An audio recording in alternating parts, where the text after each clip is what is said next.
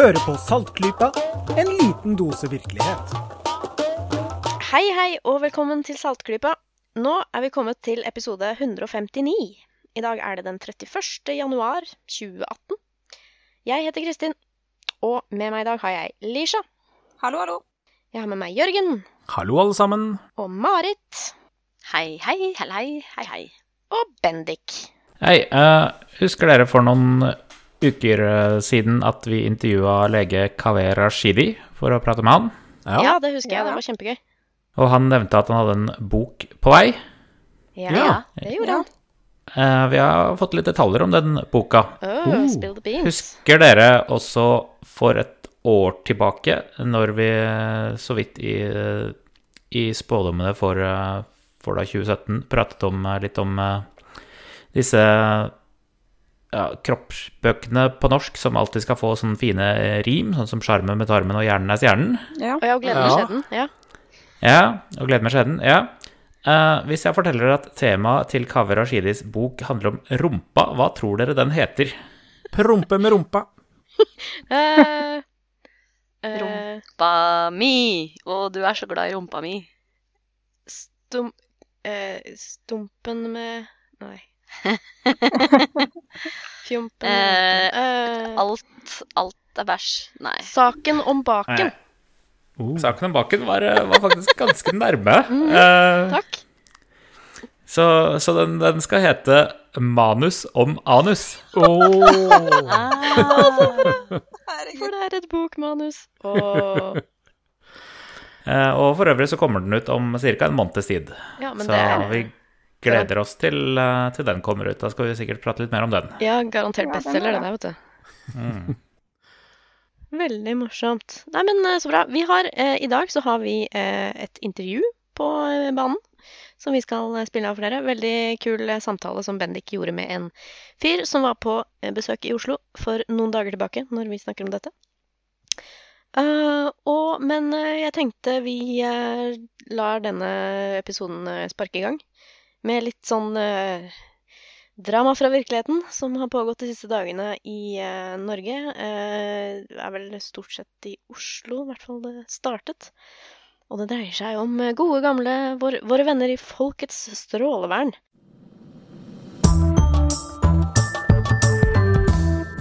Jørgen har vært veldig flink til å gi oss noen oppdateringer om dette her. eh, Og dette har jo gått også på Facebook og litt sånn litt, litt snakk blant oss som er eh, litt skeptiske til eh, påstander om eh, stråling osv.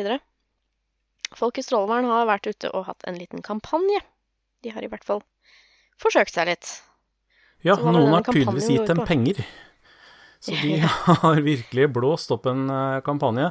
Jeg hørte først om det på Facebook fra en eh, bekjent av meg, som eh, var forarget over å ha sett disse her eh, reklameplakatene fra selskapet JCDK. Ja. Eh, og han var ganske forarget.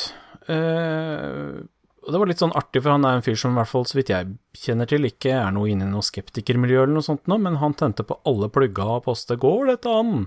Ok, Det var ikke hva var det disse, ordene, men uh, hva var det disse plakatene var for noe? da? Jeg fikk aldri sett dem i levende livet. Nei, de er eh, opptil flere. Uh, Den ene jeg har her nå, har årsskiften. 'De tøffe guttene har telefonen med seg i bukselommen'. Stadig flere unge menn sliter med å få barn. Og det går igjen, da. Det er uh, sånne plakater som sier et eller annet som har med stråling å gjøre, enten altså elektromagnetisk stråling, det kan være mobiltelefoner, det kan være wifi-rutere osv. Og, så eh, kommer det med noe som egentlig ikke er så relatert, men som virker skremmende. I dette tilfellet altså tøffe gutter eh, har mobiltelefon i bukserommen, og så kommer en neste løse setning. Stadig flere unge menn sliter med å få barn. Så at det setter sammen som om det er en sammenheng, selv om det Ja.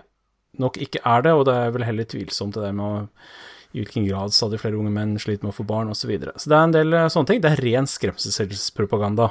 Ja, for Også- i, i, eh, i tillegg så skriver de jo på under, nederst på disse plakatene sine at eh, de, der kommer de faktisk med en påstand.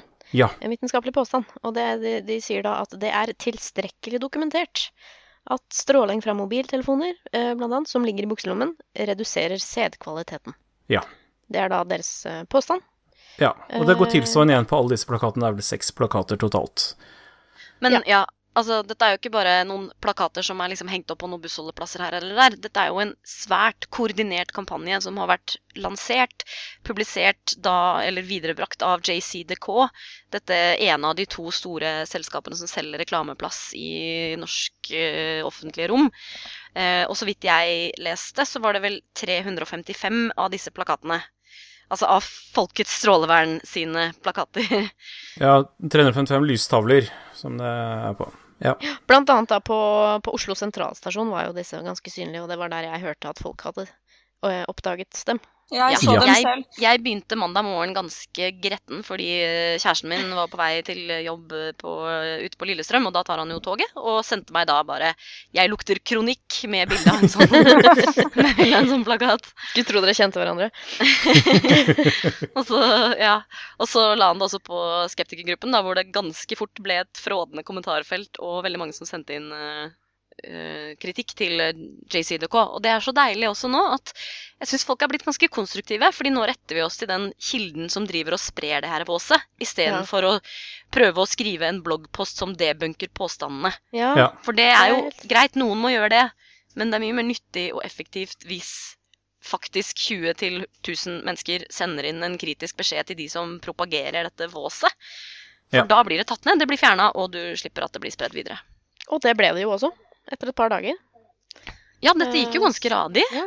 Eh, Ja. Det var jo mange av de som bare, si, skrev bare skyte inn før vi går videre på det, at eh, det som overraska meg litt, var at eh, jeg så jo flere hadde delt den saken her rundt omkring, med egne foto tatt av plakatene og, og forskrekkelse. Og der har folk selv spurt hvordan kan vi gjøre noe med det, åssen kontakter vi folk, hvem skal vi kontakte, og så skriver de etterpå at nå har jeg kontakta JCDK, nå har jeg kontakta forbrukerombud, eller hva det var for noe folk prøvde seg på. Så dette her virker som folk reagerer nok på at de sa fra om, og det er altså folk helt uorganisert som bare gjør det. Så dette her må det ha vært mye respons på, på kort tid. Ja, jeg så den her eh, mandag, så hørte jeg dette fra deg, Jørgen. Og så Ja. på tirsdag så oppdaget jeg Jeg tar toget til og fra Nationaltheatret, og på tirsdag oppdaget jeg at de plakatene, eller de, den reklamen var på de lystavlene der. Og i dag, onsdag, så var de borte. Ja, de var vel oppe i under to døgn, tror jeg. Og de hadde da betalt, eh, bestilt tid da, eh, for at disse skulle, henge oppe i en uke. Ja. Eh, Så men de kommer jo da med, med På sin egen eh, Facebook-side så kommer Folkets strålevern selvfølgelig med kommentarer til dette her. Jeg kan jo lese litt eh, av det de har å si om at eh, skeptivistene klarte å ta plakaten deres ned. Ja, eh, altså Folkets strålevern sine informasjonsannonser, som de kaller det, da, på JCDK sine reklameboards ble sensurert slash tatt av etter mindre enn to dager. Avtalt og bestilt tid var en uke. JCDK valgte av forskjellige og uklare grunner å ta kampanjen av plakaten. En underlig beslutning, vil nok mange synes. Ellers er det stadig en spesiell opplevelse å se hvordan enkelte, og her da Filter Nyheter, som lagde en ganske stor sak om dette her, eh, omtaler strålesaken som den nye miljøsaken. Det ser for meg ikke ut som om Filter er videre interessert i å undersøke hva denne saken virkelig handler om, men fremstår som et naivt talerør for Statens strålevern, det er jo de som faktisk eh, formidler om stråling, og mobilbransjen. Mm. Eh, Det måtte da være mer interessant å grave litt i hva som egentlig ligger i budskapet til Folkets strålevern, og de tusenvis av vitenskapelige artikler de bygger sitt budskap om skadelig mobilbølgestråling på. Les og lær, og så er det syv prikker. Uh, Så ja. Det var voldsomt med, med påstander. Det, det, og det de, Ja. Hadde de hatt saken på fakta på sin side, så hadde jo det, dette vært et fornuftig innlegg, det. Eh, så kommer de videre og sier hvorfor kaller de opplysningskampanjen vår for skremselskampanje? sier de til en sånn kommentar på en annen lenke de har lagt ut. Vi henviser til fagfellevurderte, vitenskapelig publiserte studier. Tåler vi ikke å høre det? Og der, der har vi liksom den med at eh, Jeg vet ikke. Det er min personlige mening her, men de eh, virker som om de er veldig ivrige til å hoppe eh, Hoppe på en sånn det må være noe koordinert her. Det må være noe um, Det må ligge noe mer bak. Ja. store, mektige aktører som ligger bak denne her, eh, og liksom så ser det bare ut som om tilfeldige personer har orkestrert dette her, da. Men så takker de sånn, samtidig alle som har eh, Alle nettrollene, da, som har eh, bidratt til eh, at annonsen hadde nådd så mange. Så det, det er jo selvfølgelig to sider av saken her. All PR er god PR. All PR er, eh, er to PR, er god PR. Og det er selvfølgelig alltid faren med sånne saker. Det er helt reelt at eh, når man reagerer kraftig og kjører det opp i flere medier med motartikler og, og sånn, så gir det mer blest om saken. Og det kan faktisk eh, i mange tilfeller eh, gi en uheldig effekt. Ja, det er Streisand-effekten. Ja. Det er vanskelig å gardere seg mot. Men her så var jo saken den at dette hadde allerede kommet ut i en veldig synlig kanal. Så hvis man bare lot det skure, så ville skade være gjort.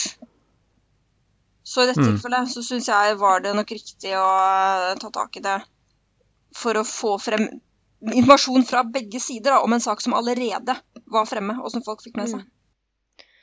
Nei, jeg er veldig uh, interessert i eh, de tusenvis av vitenskapelige artikler da, som, som Det er viser 25 en- 000, sa hun der 25 000, ja. et eller annet sted. som, som viser en klar sammenheng eh, mellom eh, mikrobølgestråling og hva, redusert sædkvalitet og kreft og Her er jo selve poenget at det er jo uoverkommelig for eh, vanlige folk å få oversikt over dette her. Eh, Og når du ser på hva de publiserer for disse artiklene, så er det jo Det er stort antall artikler, men fortsatt såpass eh, mange at det vil ta Altså, det er en liten andel av de 12 000-25 000 de, de nevner, eh, men det er mange nok til at de færreste vil gidde å gå inn på disse artiklene og sjekke hva de faktisk sier.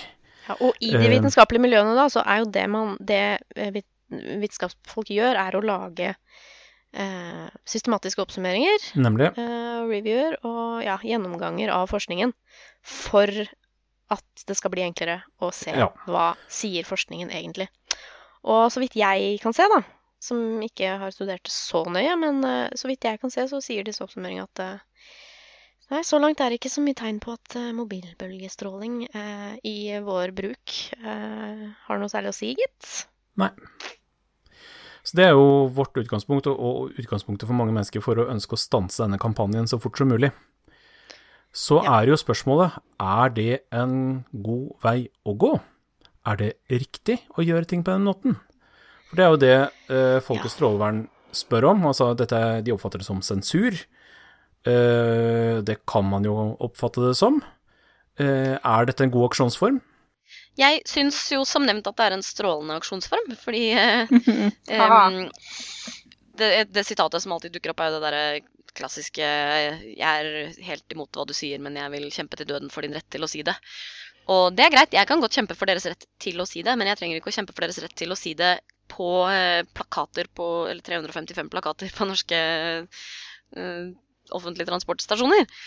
Um, og jeg syns faktisk det er helt greit at uh, det ikke er lov å lyve i reklamer. Det, eller å, å fremme feilaktige påstander i reklame. Uh, det er derfor vi har reklamelovgivning. Og dette Mm. er, faller rett og slett under det. Så, Ja. Og så syns jeg også det er et uh, viktig moment her at Folkets strålevern så åpenbart spiller på likheten til institusjonen Statens strålevern i navnet Ja. sitt. De prøvde også å kjøpe domenet stralevern.no, som de faktisk ble fratatt. Eh, De fikk ikke lov til å ha det. Det er jo en av de få dommene hvor det faktisk har skjedd, at det er blitt fratatt et domene som de hadde kjøpt Mm. fordi det var for likt det de, eh, det de etterligner. Ja, det kunne Mm. skape forvirring. Ja. Så her er det et ekstra element i det, at de, de driver med villedning hvor det finnes god offentlig informasjon. Nemlig. Og så er det det at de baserer seg på frykt. De sprer frykt. Og dessverre så er det sånn at det, det funker. Ja. Folk blir Lederen redde. i, styrelederen i, i Folkets strålevern har eh, for noen år tilbake vært rundt i norske kommuner og holdt foredrag for kommuneansatte. Da ble jeg veldig ilsk, for jeg kjenner noen som bare var med på det, og ble kjemperedd og ville isolere hjemmet sitt i lang tid etterpå. Så da, da jeg, blir, jeg blir så ilsk. Ja. Jeg blir det. Og så har uh, den foreningen også en av sine svært aktive som da driver et firma som selger den type skjerming osv. Så, videre. så noen har også økonomiske inntekter av det. Oi, oi, oi, her er, ligger konspirasjonsteoriene i mange lag oppover. Ja, men, Men, det, er, eh, det, er, det, er, det er fakta, så det er Ja, det var det. veldig enkelt å finne ut av. Ja. Men for å oppsummere, da, eh, så er det jo dette er jo et veldig godt eksempel på eh, aktivisme fra altså, Ordentlig, faktisk eh, virksom aktivisme fra det altså skeptikermiljøet og vitenskapelig interesserte hverdagsfolk. Spontan aktivisme. Ja, rett og slett. Og det har blitt veldig godt koordinert i den grad at uh, folk gjør det på en ordentlig og redelig måte. Mm. Uh, lite liksom ranting i bloggposter og mer eh, eh, klag til instansene og få det ut i mediene, liksom sånn. Eh, det er ganske kult. Men jeg vil også presisere at denne saken er nok ikke over. Eh, For det første så har eh, Folkets strålevern fått publisert en eh, artikkel som de nok har betalt gode penger for å få til, i et eh, nettmagasin som heter eh, oh, det er jo Teknologisk nyheter, oh, ja. eller noe sånt noe. Ja. Uh, og der ser det ut som uh, en redaksjonell artikkel, men det er nok en betalt en. Jeg har prøvd å spore litt opp i om eh, det er noen i redaksjonen som støtter Folkets strålevern, og det har en indikasjoner på at det kanskje er, men jeg har ikke noen klare konklusjoner på den foreløpig, så det får vi se på. Men så har det jo også kommet et uh, foreløpig tilsvar fra foreningen Skepsis, som har lagt ut en sånn motplakat til en av disse her eh, plakatene, og der kommer det nok også mer i dagene som kommer. Og innen vi får ut denne episoden, så er nok kanskje alt ute. Ja. ja men det, vi skal legge ut litt eh, lenker til eh, sakens gang, som det heter. Dette her. Da er det bare å la seg inspirere til å være aktiv. Ja.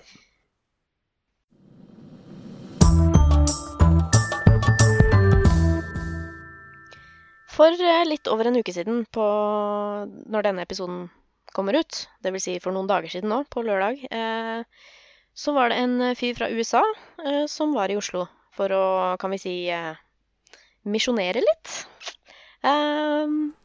Han tar, han tar det veldig ille opp hvis du kaller han en misjonær. ja, det var litt meningen. Eh, han hadde vel et lite foredrag på var det Eldorado i Torgata i Oslo. Hvis dere, ja. hvis dere ikke har vært der før, eh, dere som hører på, så ta dere en tur. Det er en kino som har blitt ombygd til en fantastisk bokhandel, og hvor du kan leie lokalet gratis til foredrag og seminarer. På godt og vondt, selvfølgelig. Ytringsfriheten står jo sterk, selvfølgelig, og det har vært mye rart der også. Eh, Men du, Bendik, du var jo til stede.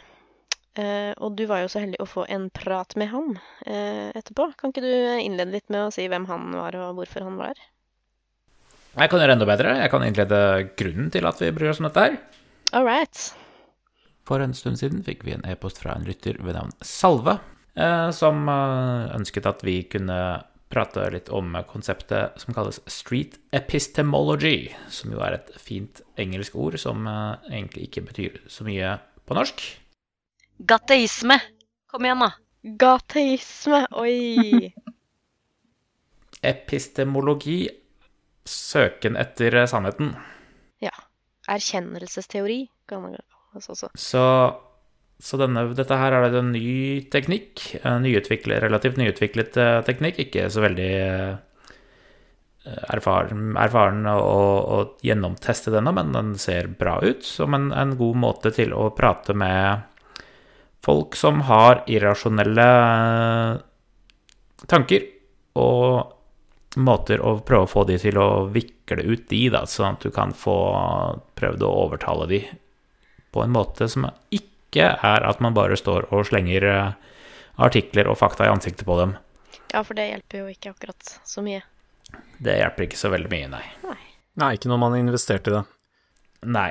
Så dette her kom, i, eh, kom for noen år siden eh, fra en bok av Peter Bogosian, som skrev en bok som heter A Manual for Creating Atheists, som, eh, hvor han foreslo eh, konseptet street epistemology. Og den baserer rett og slett i at uh, ikke du, du skal ikke komme med så veldig mange påstander selv, du skal bare stille spørsmål. Dette her er det man kaller en veldig sokratisk metode, i at man kun stiller spørsmål til den andre for å la vedkommende finne ut av ting selv. Og stort sett så, så vil du bare stille spørsmål som hvordan vet du at dette er sant, hvilke begrunnelser har du for dette, og la, la personen selv over tid innse at den kanskje står på tynt vann til å begynne med, På tynn is. og dermed begynner å, På tynn is. å, å, å vikle ut uh, sin, uh, sine rare påstander. Så trikset her, da, triksene for å gjøre dette her, får vi kanskje høre litt om i dette intervjuet som du har eh, gjort. Ja, la oss bare Ja. spille dette her, pra her Ja. prat med Anthony Magna Bosco fra San Antonio, Texas. I have no idea how to start this. Uh, There's some weird American dude sitting next to me who goes out and talks to strangers on the street. yeah, what is up? so, Anthony, you go out and talk to strangers on the streets.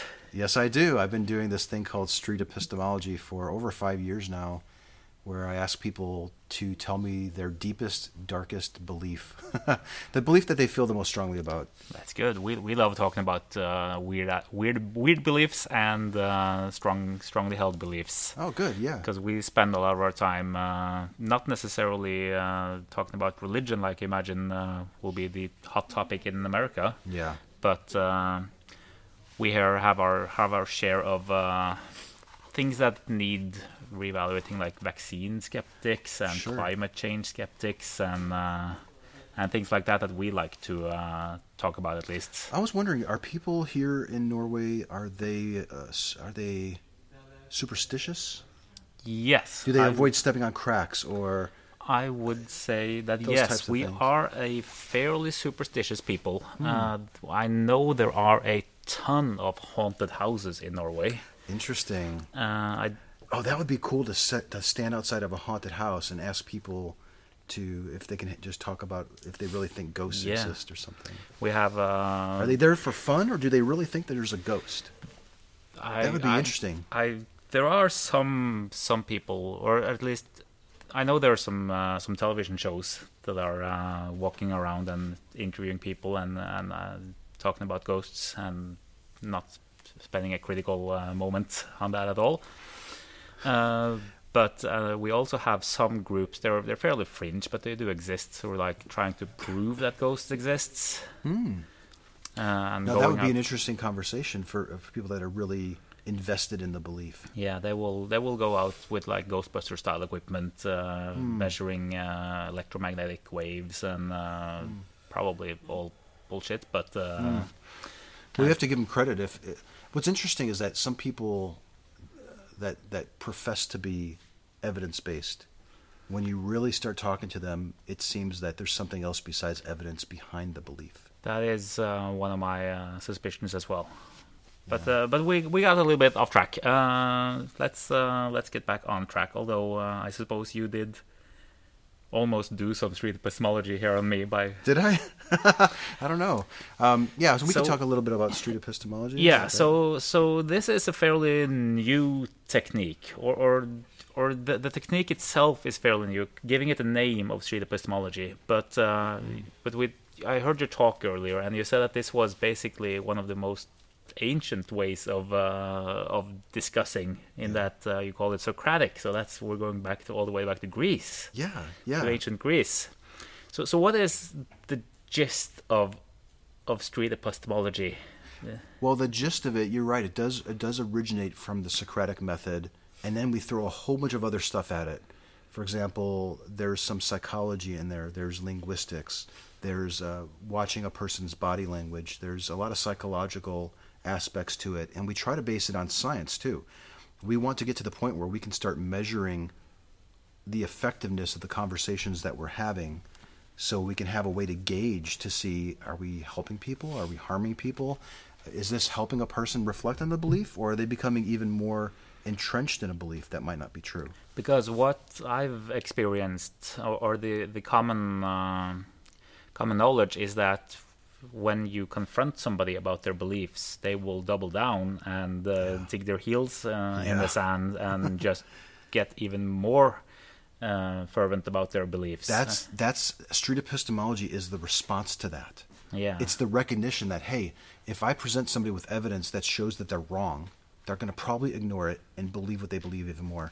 And street epistemology we don't provide people with evidence. We ask them to explain how did you conclude that what you think is true is really true. And people have difficulty doing that. But the act of challenging them in a gentle way tends to help them discover that they don't have a good reason for the belief. Yeah, because I, I noticed that a lot of time, at least when you debate like in the public eye or something, you're basically standing there shouting at each other and slapping each other in the face with with papers or evidence or whatever you like, and and nobody really gets their mind changed. You say that oh we're not I'm not debating in order to change his mind. I'm debating in order to try to change the minds of everybody who's listening. But but in this case, you're really going one on one, personal and and deep, Yeah. and not just uh, oh you're wrong because of this. Exactly, and that's why I love this approach because it is one on one, and those are the, the majority of the population doesn't go out and debate people on a stage.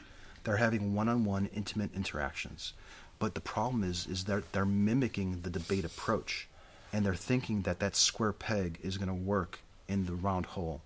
Yeah. And they're they're going to run into frustration. They're going to jeopardize that relationship even, and they're not going to help the person reflect on the belief. Yeah, so so I noticed that in in some of the videos, uh, with the video examples that you show about uh, about street epistemology, is that you don't say anything at all. You you, you don't make any claims. All you're doing is just asking the right questions to the uh, to the uh, to the other person. Can can you start off by by just telling what is the right question? Wow. Well, you're right. Uh, we don't spend a lot of time telling the person that they're wrong, and here's the correct answer. It's all about asking questions. And the way that you form a good question is to listen attentively. Listen very closely what the person is saying, repeat it back to make sure that you understand. If you're confused, just say, I'm sorry, what do you mean? Can you explain it to me again? And then that will usually help you formulate a good question. But a good question is one that peels back the layers rather than piles on. This is all about like kind of like the skin of an onion. You keep peeling back, you keep peeling back Yeah. till you finally get to the real reason why they believe. And and we tend not to do that. We tend to we tend to add on as opposed to peel back. So, so this is uh, this is in a sense the the six year old's approach in that somebody makes a claim, you ask why, and then they explain that, and you ask why, and then they explain, and you ask why until you get to the root. You know, people have have tried to liken street epistemology to that, but I have a challenge for them. Mm-hmm. We've we've transcribed fifty of my videos into English, and it's it's text based. Uh, and there's a page on the Street Epistemology website where you can go through, and you can pull out all the questions that I ask, Yeah. and you can look at the questions, and they're not all just why, why, why, or how do you know, how do you know, how do you know. It's how you doing? Can you tell me what you believe? Is that the main reason why you believe? What do you think would change your mind? Oh, that's interesting. Have you ever thought about how somebody else might think about that belief? So it's it's far more than just uh, an annoying child asking questions. I think. Well, I'm, glad to hear that at least. I don't think people would enjoy the talks as much as, as they did if we were being acting like a little petulant child. well, I'm glad to hear that my interview technique is uh, is working out great. I'm just kidding. Um, but so yeah, so so what are the things that you will discuss with people or the topics? Uh, My you- my favorite topic is the God one, but people who are watching my videos many years ago they said, you know, you really should start talking to people about all sorts of stuff.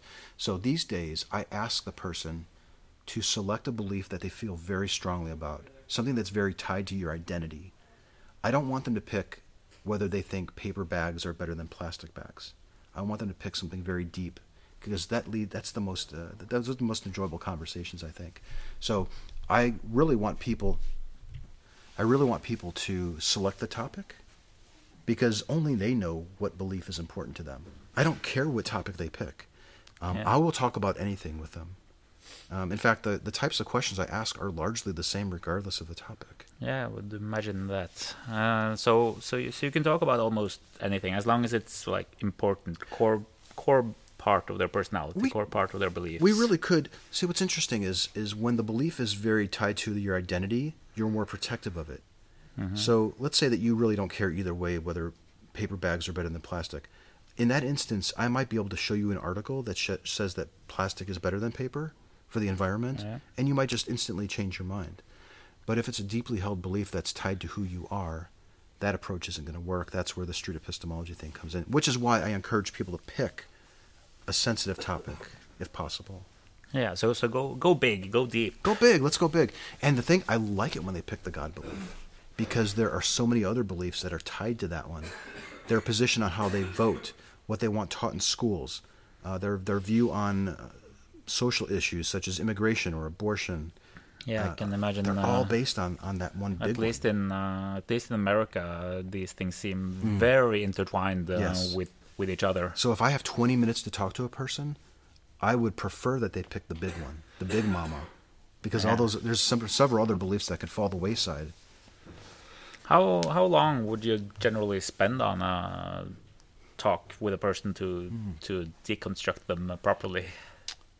Well, Because because in in the in the example videos you showed, they were pretty fast. I mean, you talked to one lady for five minutes, and you had her uh, doubting uh, her beliefs. Uh, before the timer went off, she said something like, "You're making me rethink my entire life." I think is the quote. So yeah, that's that, that was, was five minutes. that was So- five minutes. Uh, my typical talks are probably 15 to 20 minutes long. So so not really that long. Yeah, what's interesting is that I'm recognizing that I'm not only having a conversation with a person, but I'm recording them for thousands to watch, and people have short attention spans. So that has been driving my speed. Uh, I think I've become more efficient because I've been more cognizant of the, the, the audience on YouTube only wants very short videos. I think my preference would be to have an hour long talk with somebody where it's it's calm, respectful, we're not in a rush we can, she can ask me questions. I can ask her questions. It could be a, more of a back and forth as opposed to a, a direct. Let's let's knock this out in five minute type of thing. That would be my preference. Is something a little bit lengthier. Yeah, and and you, it's very important to notice that you are not preaching anything Hmm.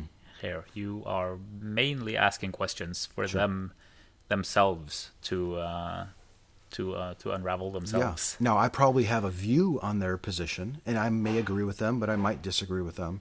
But you're right. Uh, I try to set aside my beliefs to reflect what their beliefs are. I want to be a mirror to them, and I can't be a mirror to them if I'm constantly telling them how wrong they are, or well, I don't share that view. But anyways, go on, that type Yeah. of thing. So yeah, just shut up, listen, repeat back what they're saying, and try to help them view theirs. And you can encourage them to do the same. Okay, now that we're we, we, we're done with your belief, uh, here's some questions that you can ask me. Uh-huh. You know, learn this method, and then let's meet in a month, and you can you can inquire about my views. So would you would you say that uh, this you I mean you you you claim that this uh, has good good results and this is a fairly effective uh, effective way of uh, of talking to people. Um, It sure seems that way. It sure seems that way. Are you worried that uh, like a, a Christian will pick up the same techniques and come ask you and uh, and sort of convert you I am way? not. I am not worried in the least. I'm eager to see it, honestly, because I don't see how a Christian or a Muslim or somebody who believes in a God or anything supernatural could embark on this method without also applying it to themselves. Yeah, because this is uh, mostly a way of, of trying to sort of determine truth, and Mm-hmm. and at least from our point of view, when Christians aren't true, so uh, so if if you start to ask these questions the other way, you will end up flipping the questions back on yourself. And, yes, uh, and that's what we want. yeah, And, and we, we encourage that. We have a Facebook group where people who believe in gods and people who don't, and who, regardless of what you stand, where you stand on a belief, you can meet and you can say, "Hey, I have this view. Does anyone want to question me on it?" It's a wonderful place where people can do that. Um, I would love to see more believers learn this method and try to poke holes in it, and they do. Uh, They they are really trying to to demonize it and to and to kind of poke holes in it and say that we're being deceptive. Um, but their feedback is helping us refine this method. So it's it's really been kind of a good thing.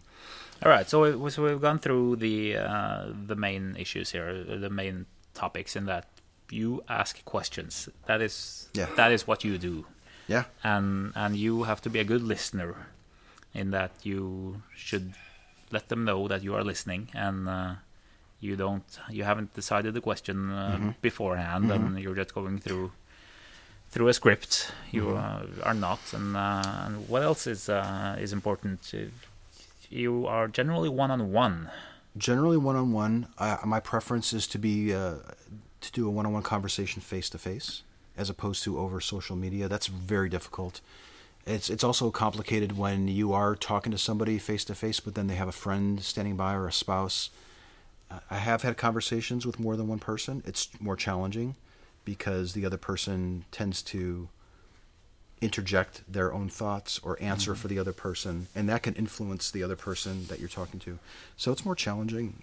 It's definitely more challenging, I think, for for two people at one time.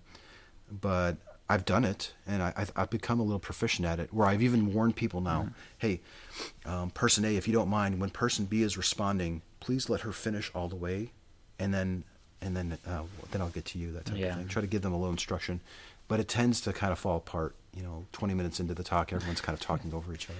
Yeah, I can imagine. Uh, and uh, and you have to also make sure that you keep digging for the to, to, to try to identify. You always start by asking, "What is your belief?" and then get them to clearly define it, uh, almost so that you can start to to ask questions about that. Like uh, Yeah. like in your example, you you, you talked about some uh, some Christian, Christians and um, how they will go like, oh, well, my I believe in in God because I believe the Bible is true, and then you have to identify whether or not. Like the first cause, the prime, uh, the prime belief was the the belief in God or the belief in the Bible. Exactly. You may say, yeah, you may, they may say, I believe that God is real because it says so in the Bible. And then you may say, well, how do you know that the Bible is true? Or if you discovered that the Bible wasn't a source of truth, would you still believe in the God? And they may say, yeah, you know, I really, I would still believe in the God with as much certainty as I do now, even if the Bible was not true. Well, then you, you've just completely spent, you, you, you completely avoided wasting all that time talking about something that wasn't the reason why they believe. Yeah, you have to be It's able. to- very efficient. It's Yeah. very efficient for getting right down to the root cause of why they believe, and then you can start asking questions to test the foundation of their belief. Yeah, and, and generally, what sort of questions will you then ask? Well, if they, in that instance, if they say, "I would still believe in this God if my holy book was not true," I would say, "Well, then, what is that reason?" And they may say, "You know, when it really comes down to it, I just get a warm feeling of peace whenever I know that my God is watching over me." Yeah, And then we can start talking about, well, are feelings reliable? What would you say to a person who has feelings that their God is real, but it's a completely different God?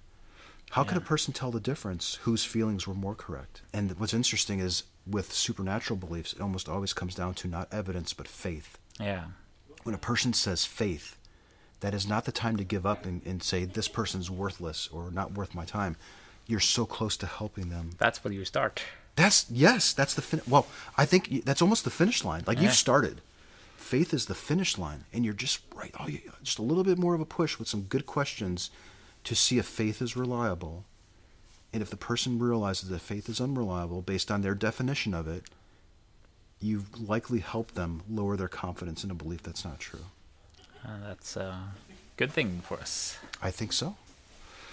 So, have you uh, had any good uh, good experiences uh, I've had great, doing this? I've had some good experiences. Yeah, a lot of people. I, I I've had follow up conversations with people where I, I met a, a young woman once, and she said she was 100 percent sure her God was real. After we talked for about 10 minutes, she dropped her confidence to about 75 percent. I met her two weeks later, and she said that she was in church the weekend before, thinking about the discussion, listening to the, the person, the preacher, and thinking about our conversation. And she said that she was at probably about a 50% mark. And then I asked her, I said, Has this conversation affected the way that you plan on teaching your future children? She, she was young, single, Yeah. a college student. Uh, when you raise your kids, do you think that this conversation would affect you in any way? And she said that it would. That she wants to, she wants to teach her kids things that are true and not made up. yeah, and that's uh, that's really the uh, the crux of the issue here. That uh, It was so rewarding. you want to find the truth, Yeah.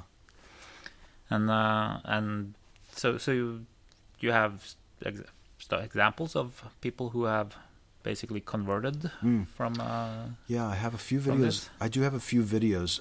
Sort of the the holy grail of street epistemology would be to have seven conversations with the same individual over the course of a year, Mm-hmm. watching the journey. What usually happens is I meet them, we have a talk, I give them a card, they reach out to me a year later and say, I no longer believe this.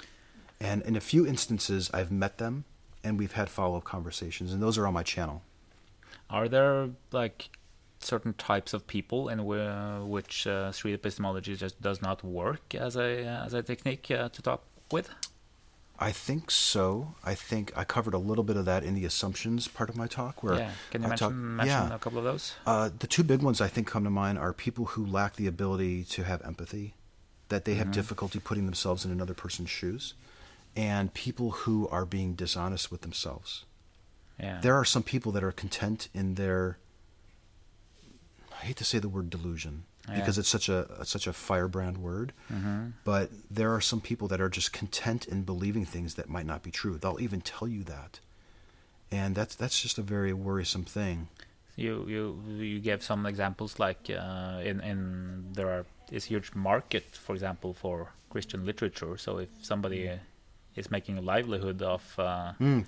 That's the other two. That's the other point too. You have some very dug-in believers. They are they are professional God believers in that they are making an income because they're they are getting paid to tell other people's about this and defend the faith. They write books. Mhm. They they get a stipend from their church or whatever, and it's very hard to get rid of a belief or even consider that it might not be true when you think everything that's at stake. yeah I I could be ejected from my community. My wife might leave me and take the the seven kids that we have.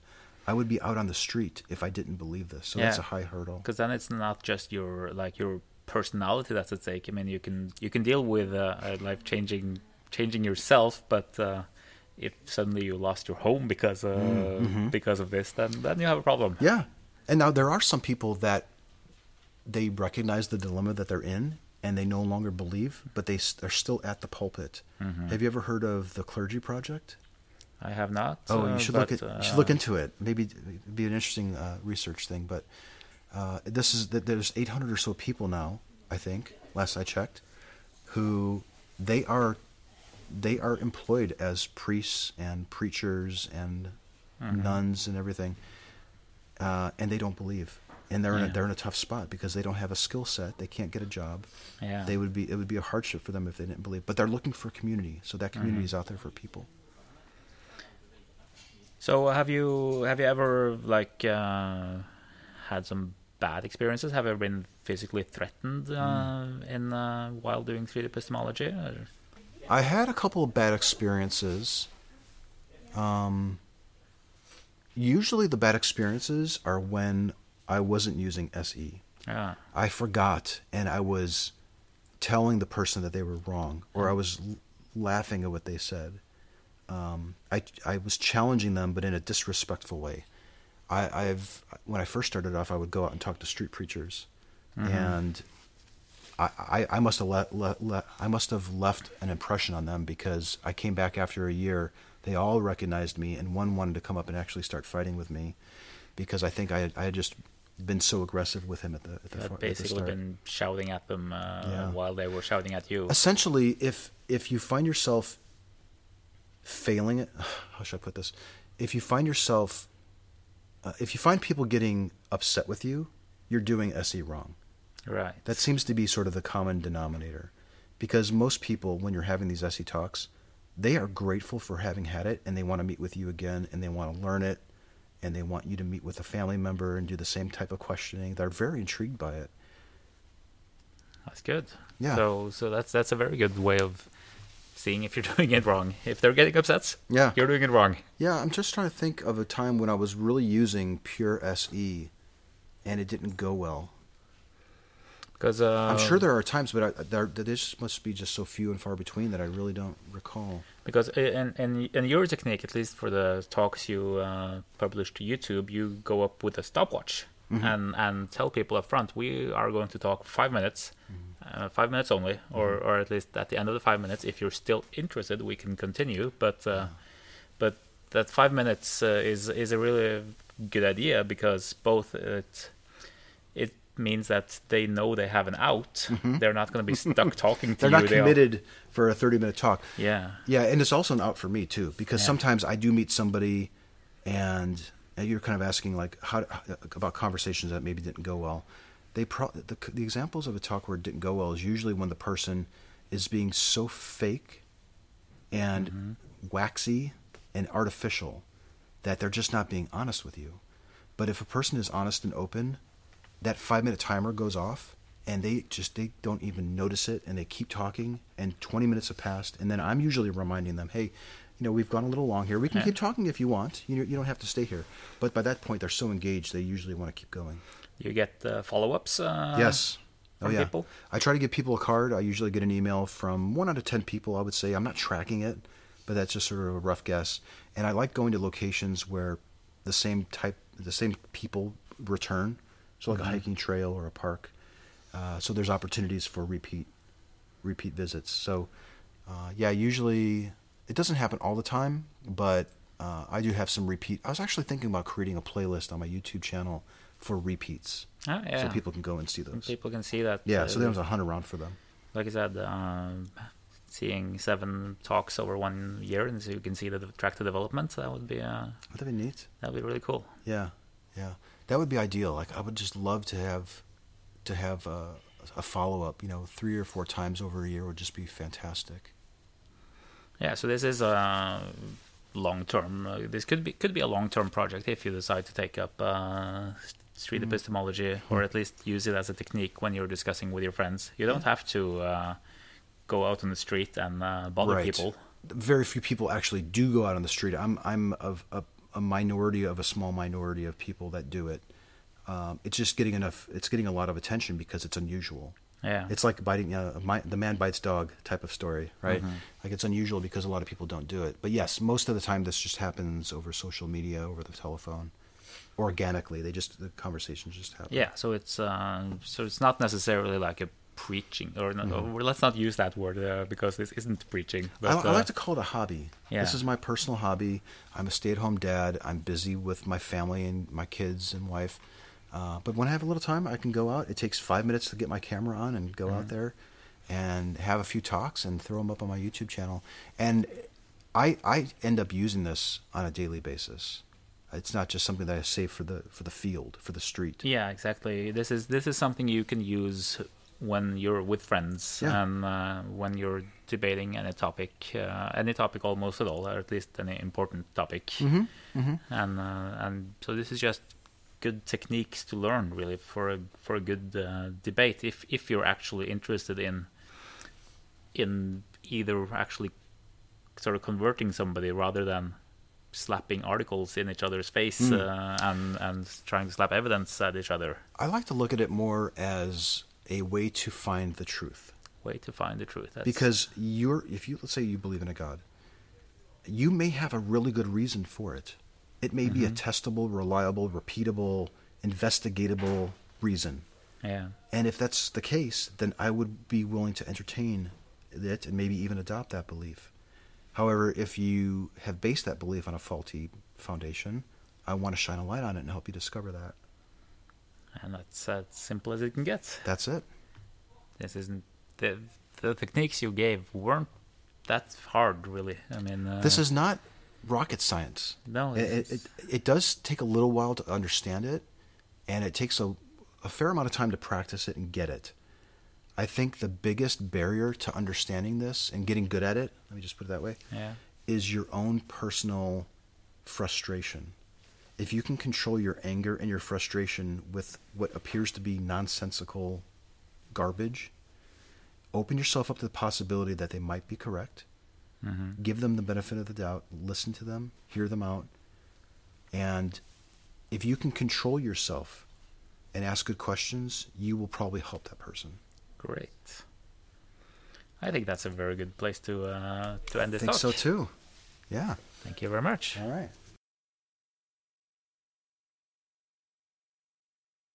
Det var et, eh, det var et veldig eh, interessant intervju, Bendik. Eh, Jeg liker veldig godt at han fokuserer på det at man skal være en god lytter.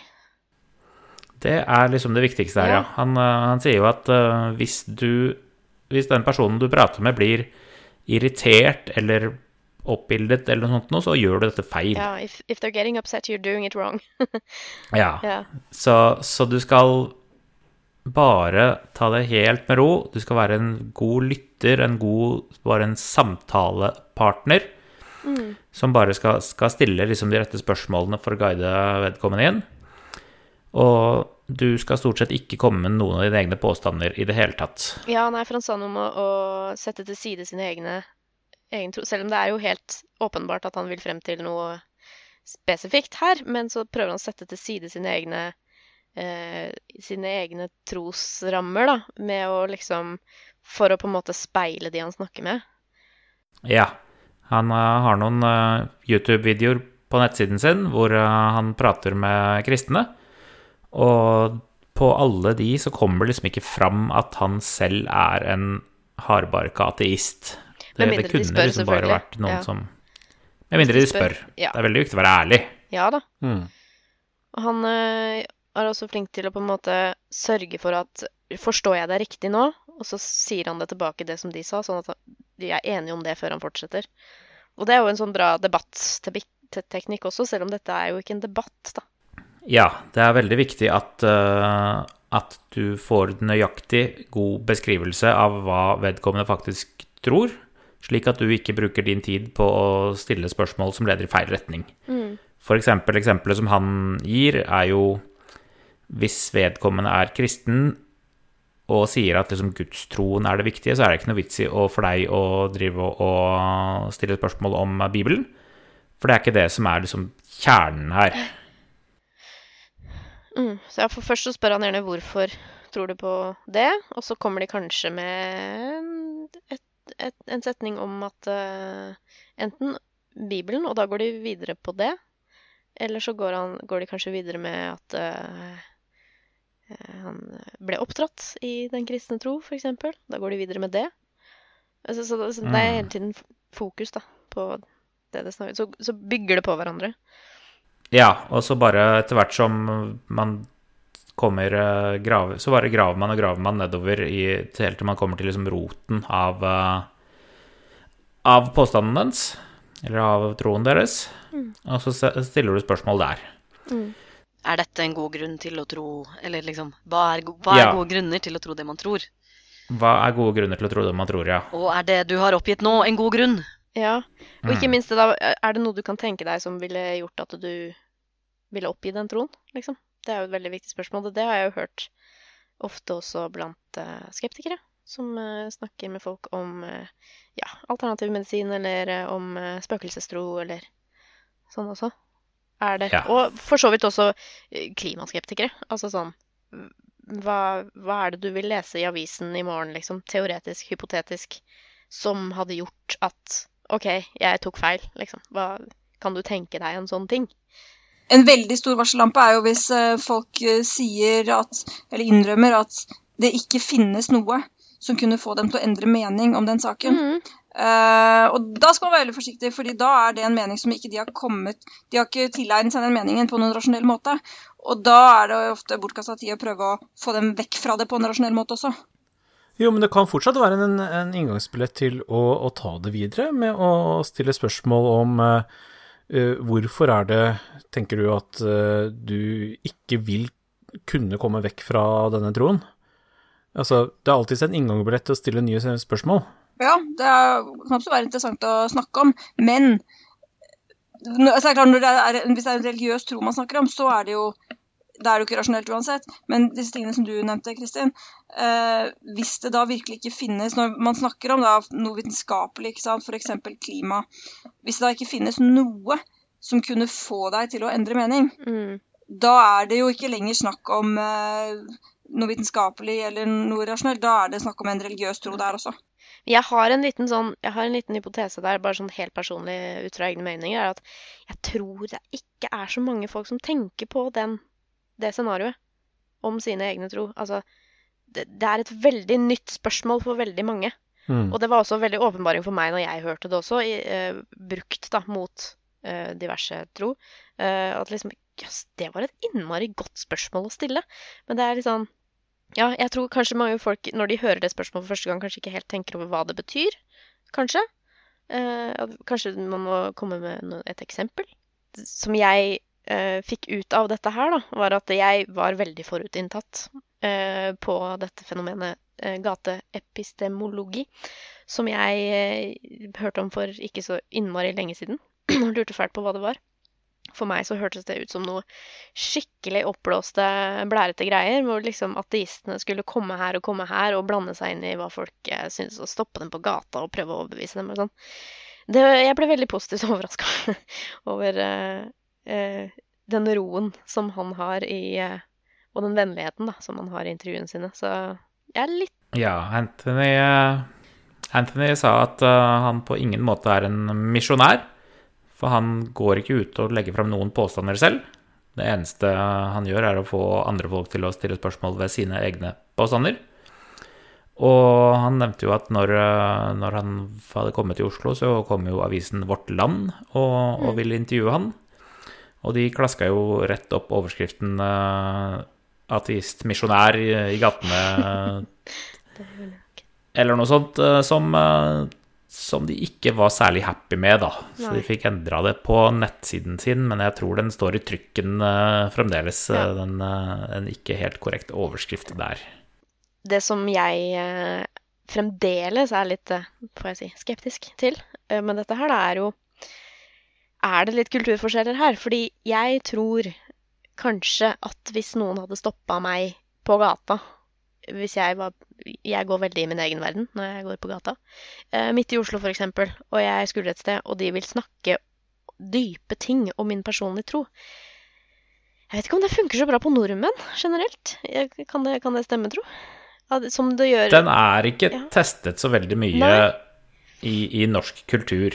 Eh, det er en, en gruppe i Norge nå som kaller seg selv Gateepistemologene, eller Gateepistemologi i Norge. Du finner dem på Facebook, f.eks. De må jo kalle seg algateistene.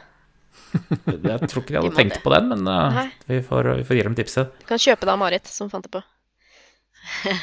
Tror ikke det kom fra meg, gitt. Så, så får vi se. Men, men det, er, det er jo ikke nødvendig at, uh, at man må liksom avbryte noen på gata for dette her.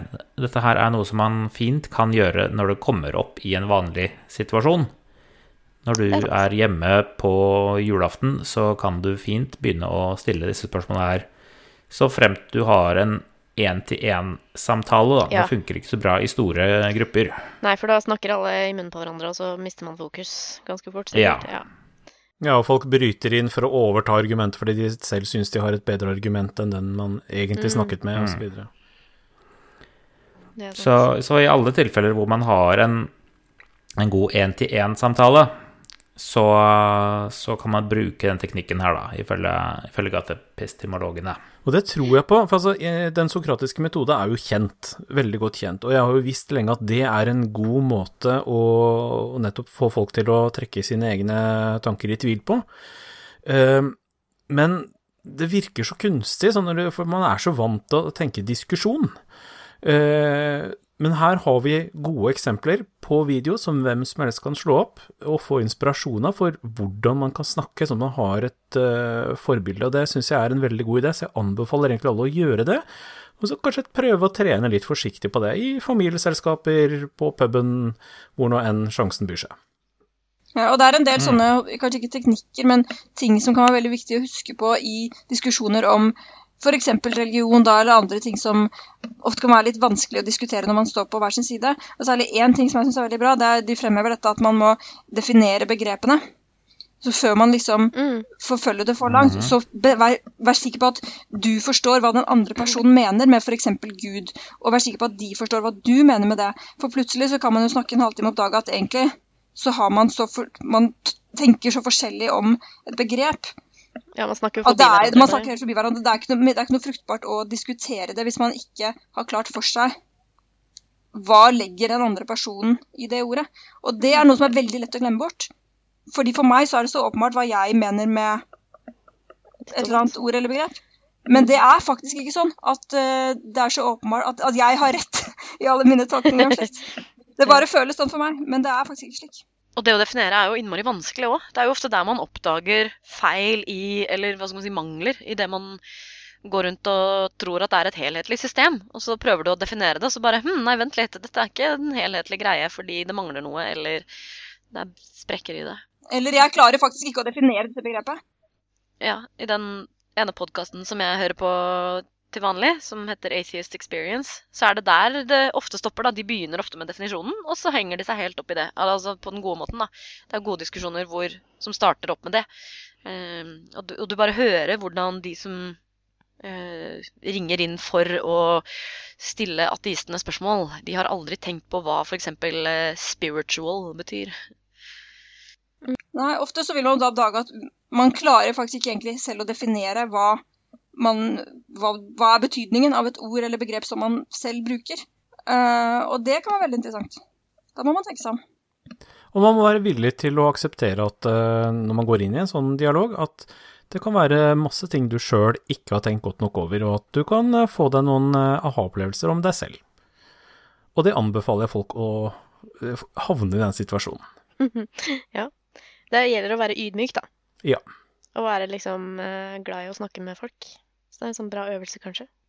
Han har i hvert fall ja, en eh, god del eh, YouTube-videoer som funker som en slags inspirasjon, kanskje, til dette her. Han snakker jo med alt fra tilfeldige personer han møter i parken, til ja, gateprester som roper ut om diverse. Det er ganske kult å se på, egentlig. Ja, men det er i hvert fall en, en ny og morsom debatteknikk. Jeg vil ikke kalle det debatt. Det er jo en måte å, å hjelpe en annen person til å forstå Tenke litt. Tenke litt. Tenke litt, ja. tenke litt nøye på ting. Lære folk å tenke. Eh, så, Nei, det ja. hørtes litt ovenpå ut. Ikke lære folk å tenke, men å liksom prøve å ja, inspirere dem litt. Ja. Så det er nok en uh, nyttig ting som, uh, som, som, kanskje kan funke, og som kanskje kan være nyttig for begge sider. Det er absolutt. Sjekk ut uh, videoene hans. Ja, vi skal linke til eh, YouTube-kanalen hans, eller kanskje et par utvalgte videoer. Ja, jeg kan også bare legge til at det er jo Det var noen som spurte her i stad om, om, dette har noe med å gjøre å være norsk. Det at det blir liksom kleint. Og det tror jeg jo helt klart. Fordi vi nordmenn, for oss så er jo tro en privatsak. Sånn, til og med hvis du treffer noen i kirka, så er det nesten litt pinlig. Du skal helst liksom ikke vite, vite noe om andre menneskers livssyn. Så det å liksom stå på gata det er det jo mange som er eh, mot i utgangspunktet. Også eh, krillselgere og treningssenterselgere og Jehovas vitner som står der. Eh, jeg, jeg, og mange andre med meg er jo liksom prinsipielt imot det der å bli tilnærma på gata. Ja. Og når man i tillegg da som nordmenn eh, prøver å unngå eh, å sitte ved siden av noen på bussen eh, for å ikke ha kontakt med fremmede mennesker, så er jo liksom akkurat den der gateoppsøkinga kanskje ikke det mest norskvennlige. Det er ikke kanskje det rette stedet å begynne i Norge. ja, men det tipper jeg at de norske som driver med dette her, eh, har tenkt over å gå inn på Facebook-sida de har, og så tipper jeg det kommer noen tips om det der.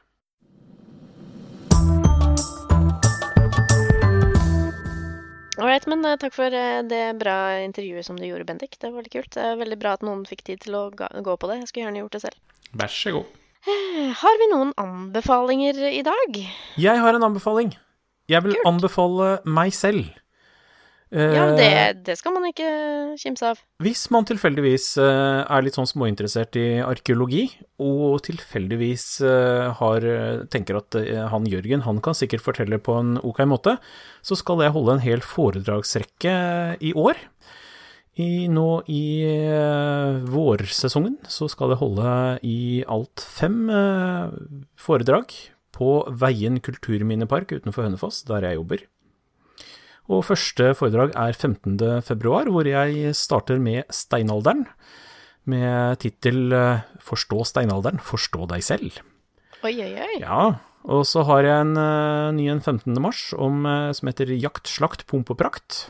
Å, så fint. Ja, 19. Der har du boktittelen. Blir det neste bok om eh, sånne tema? ja. ja. Jeg har prøvd å finne litt catchy titler, da. Ja. Eh, 19. april har jeg Bonden, en halvgud. Eh, 24. Mm. mai har jeg Med hammer og sigd. Det handler mm. altså ikke om kommunisme, men det er relatert. Ja. Eh, og 14. juni er det Fra sauer til gudinner. Det handler om tekstilarbeid. Og så er det mer til høsten. Så ja. Vi lenker til eh, hjemmesida til museet, så, og kanskje Facebook-post om det også, så kan dere følge med på det. Ja, Dere hører jo selv hvor flink Jørgen er til å prate, og når han i tillegg da prater om det han virkelig kan, da må det jo bare bli bra. og hvis det kommer noen av våre lyttere til foredraget, så gjør dere gjerne til kjenne før eller etter foredraget. Det er bare hyggelig. Dere kan eh, gi et hemmelig tegn. Dere kan f.eks. Holde hånden over hodet som en hanekam. Da skjønner Jørgen at det er en saltklype. Eller kaste salt over skulderen. Ja. Imaginært salt. Ja, ja, ja. Et eller annet sånt. En av de to. Det jeg. Jeg burde tenkt over et bedre signal. Uh, nei, eh, kom og hils på dere. Det, jeg. er lett tilgjengelig når dere først er her. Ja, eventuelt bare komme opp og ta, slå en prat. Det er sikkert lov. Jeg vil også slenge inn en anbefaling. Ja. Em, de som kanskje har vært med veldig lenge, husker kanskje at jeg var med å sette opp et emne på Universitetet i Oslo som heter formidling og vitenskapsjournalistikk. Og en av de som har tatt det emnet, eh, hun heter Katarina Vestre, og hun skrev mens hun gikk da, altså mens hun da ble kurset i essayskriving, så skrev hun et essay om, eh, som hadde ingressen 'Glem døden, la meg fortelle deg om begynnelsen av livet ditt'. Ja. Eh, Oh. ja, og det essayet ble Det publisert i Aftenposten Innsikt. Og etter det så fikk hun en telefon fra Aschehoug som sa kan ikke, vi gi ut, eh, kan ikke du skrive ut dette her essayet i en bok. Så hun var da altså bachelorstudent eller hun var, ja, hun var bachelorstudent i biologi da, og ble tilnærmet for å skrive bok. Kjempegøy. Herregud, så kult. Kult. Ja. Og boka er nå ute. Den heter Det første mysteriet. Eh, den handler jo om de lange linjene som man kan eh, antyde og oppleve i en kvinnekropp som gjennomgår graviditet. Den handler om eh, hvordan hånda di blir en hånd og ikke en fot eller et øre. Den handler om eh, parasittkampen mellom eh, foster og mor. Den handler om når du har hale, når du har gjeller og sånne ting inni mors, fosterliv ganske fantastisk. Trekkes altså linjer til de lange linjene altså, til evolusjonsteorien og Eller hele livets tre, egentlig. Eh, og så kan jeg også bare legge til at hun skal holde et foredrag eh, basert på boka si i Oslo, på Litteraturhuset, den 7. februar klokka seks, som jeg disclaimer er med å arrangere med Human-Etisk Forbund Oslo sin temamøtekomité. Eh, Kult. men det tror jeg blir skikkelig bra. Ja, Da linker vi er i vei. ja, boka er bare kjempefin. Kan jeg, før vi avslutter, bare skyte inn, bare skryte bitte lite grann? Ja. At Ja. Uh, en av mine politiske spådommer uh, for 2018 har nå faktisk gått i oppfyllelse. What? Spoiler. Uh, for en ting som jeg spådde, var jo at det kom til å bli At valget i Finland kom til å bli kjedelig. Og nå var jo det helga, og jeg hadde helt rett. Det ble dritkjedelig. Jeg gadd ikke følge med engang. Jeg bare lå meg på Ho- Hovedstadsbladet neste morgen og leste om at det gikk akkurat som alle skjønte at det kom til å gå. Jeg spår en det ikke. eh, god karriere innen spådom for deg, Lisha. Innen kjedelige spådommer. Ja, Kjedelig som alle kunne ha ettet seg til. Ja. ja, det er vi gode på her i Salgklubba. Ja, ikke sant? Men jeg bare påpeker at statistisk sett så var dette faktisk ganske imponerende. Fordi for å bli president i Finland så må man få 50 Og klarer ikke noen kandidat det, og det klarer de som regel ikke, for det er jo åtte kandidater. Så det er vanskelig å få 50 Eh, Da går man videre til en runde nummer to, som er mellom de to som kom først. Men denne gangen Forrige gang så ble det jo to runder. Men denne gangen så fikk ikke Ninnestø bare 50% Men han fikk 50% mer enn han Ja. som kom på andreplass. Riktig. Det er Det det var man kaller liksom- et eh, brakvalg. Ja, et landskap, landslide. Hvor sånn 63 for vinneren og 12, et eller annet prosent for uh, Ja. nummer to. Uh, ja. Sånn er det. Så gratulerer det var med- eh, Jeg tror valgvaken der stort sett Nei. Vet ikke om de gadd å ha noen engang. Ja, ja. Den er god. Så da har første spådom slått til. Med Gratulerer. Ja. Jo, takk, takk. Du får høre mer om hvordan det går med oss i, om eh, nesten et år. Og da sikkert kanskje en til slått til. Kanskje en til. Men takk for eh, episoden, folkens. Det var veldig bra i dag. Vi er, vi, har så mye, vi er så lure. Vi har så mye bra å snakke om. Går så bra.